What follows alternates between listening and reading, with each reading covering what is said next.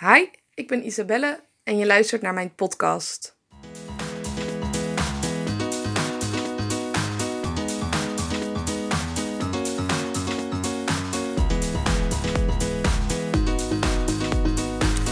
Ik was afgelopen week met uh, twee vrienden in de kroeg en we hadden het over het ruilspel. Ik zat vroeger op scouting en daar deden we op kamp. Vaak gingen we zomervakantie op kamp en dan deden we één dagje deden we het ruilspel.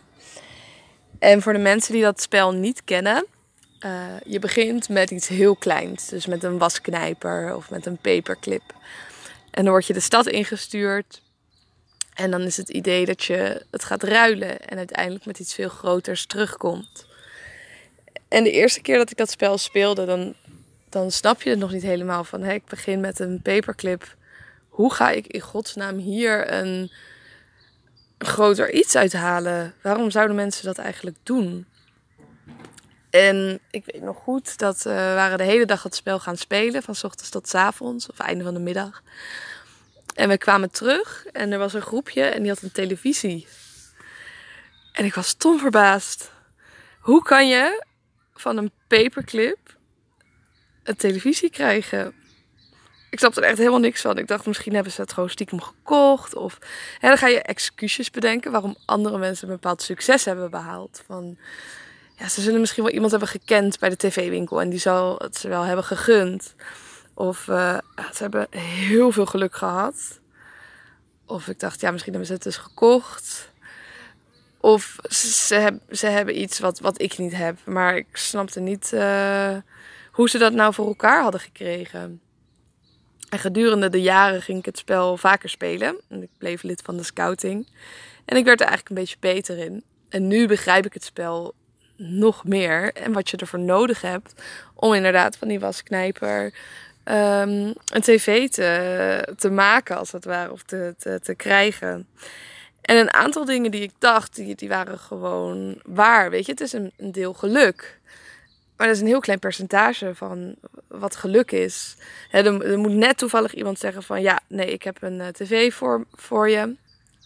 Um, dat is een stukje geluk dat je net de juiste persoon hebt en net de juiste winkel inloopt. Want we deden het in het centrum van een stad. Maar het is, is ook heel veel uh, heeft het te maken met andere dingen, met bepaalde skills. Of bepaalde kennis. Of bepaalde mensen kennen. Allemaal dingen waar jij invloed op hebt. En ik had zoiets van: oké, als ik de schuld als het ware kan geven. of de erkenning aan externe factoren. dan hoef ik ook niet voor mezelf te, te erkennen van. ze hebben iets wat ik niet heb. Want dat is eigenlijk heel moeilijk. Van blijkbaar hebben zij iets wat ik niet heb. Ik weet niet wat het is, en, maar ik heb het ook niet. En ik zou het heel graag willen, maar ik weet ook niet hoe ik het kan krijgen. En dan is het heel makkelijk om te zeggen: ja, het komt door, door andere dingen waar zij helemaal geen invloed op hebben. En pas toen ik zag van, hè, je bent zelf helemaal verantwoordelijk voor je eigen succes. Dan ga je ook kijken van welke dingen kan je daarin fine-tunen. Dus één ding was de juiste mensen kennen. Zij kennen een aantal mensen die in die winkels bijvoorbeeld werkten. En die daardoor een hogere gunfactor hadden. En daardoor konden ze hen beter helpen om, uh, om te gaan ruilen. En dat was nog niet met de tv, maar om. Uh, je begint met die wasknijper of met die. Uh, met die paperclip. Als je dan mensen kent, zeggen ze van joh, hè, ik werk in de winkel en we hebben hier achter nog iets liggen. En uh, nou ja, eigenlijk uh, moet het meegenomen worden, want het is niet meer, wij mogen het niet meer verkopen. Maar jij mag het wel hebben. En dan kan je het verder ruilen. En dan heb je ineens van je wasknijper heb je een t-shirt. Of heb je een riem. En dan ben je al een stuk verder dan dat je het, hè, dan heb je een grotere stap gemaakt dan dat je eerst een pen hebt en daarna een uh, brillenkoker. Want zo ging het bij mij. Het duurde nog wel langer, er zaten nog meer tussenstappen tussen. En op een gegeven moment hadden we ook dat we heel veel spullen hadden die allemaal niet zo heel erg veel waard waren. Dus dan begonnen we met een wasknijper en dan kwamen we met tien verschillende spullen die allemaal uh, ja, niet zo heel boeiend waren. Dus de eerste stap was dat ze, dat ze bepaalde connecties hadden. En de tweede stap was dat ze uh, zelfverzekerd waren. Dat, dat stukje vertrouwen, zelfvertrouwen en vertrouwen in, in wat je hebt en wat je hebt aan te bieden. Dat helpt ook ontzettend om uh, mensen aan jouw kant te krijgen. Want wij kwamen dan de winkel binnen en dan namen we onszelf eigenlijk al niet serieus. Want ja, wie ging dit nou doen? Terwijl die, het waren met name ook de grotere kinderen die dan de mooiere dingen kregen. Want die hebben dat stukje hadden ze al wat meer ontwikkeld. Dat zij uh, durfden te praten met het winkelpersoneel en het spel durfden uit te leggen. En dan durfde te vragen van, joh, heb je iets voor ons? En wij vonden dat echt ontzettend spannend. Ik was toen al de enige die uh, met het winkelpersoneel praatte. En dat vond ik ook wel leuk om te doen.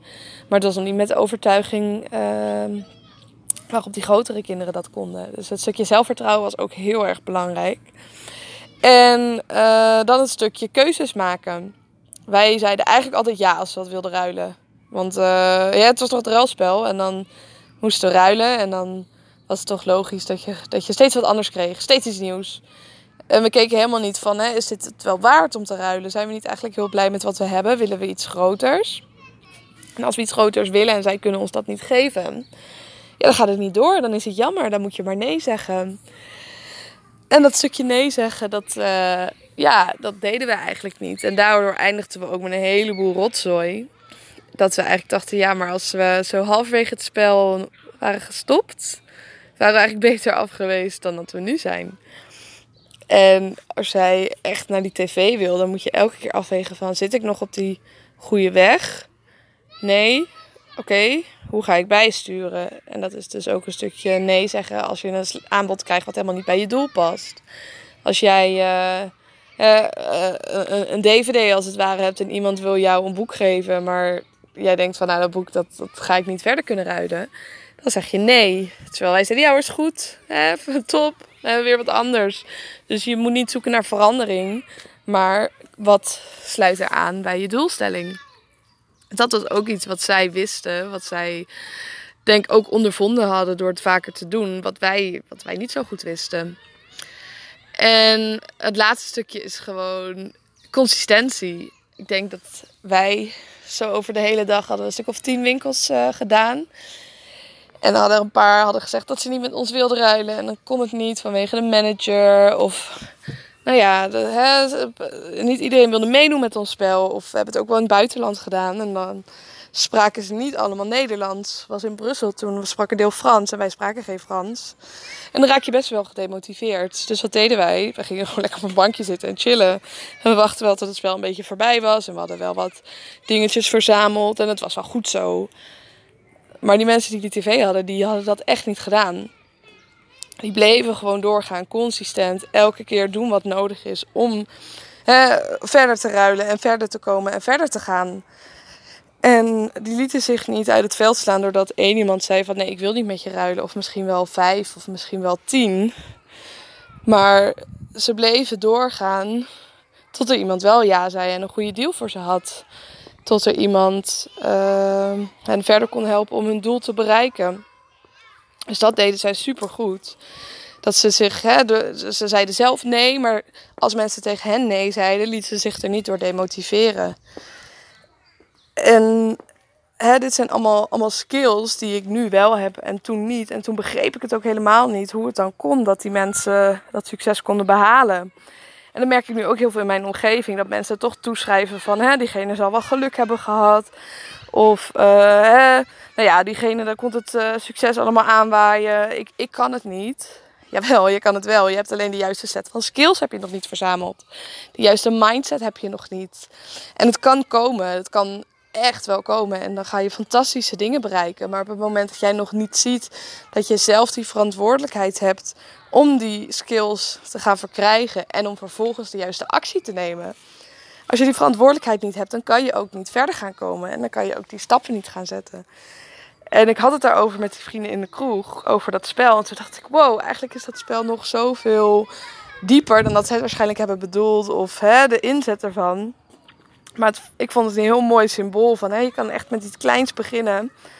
En daar kan iets heel groots uitkomen zonder dat jij geld nodig hebt. Of hè? Het gaat echt puur om die skills. Dus ga vooral werken aan je skills en laat je niet te veel afleiden door het de succesfactor of de geldfactor. Want dat is niet het belangrijkste.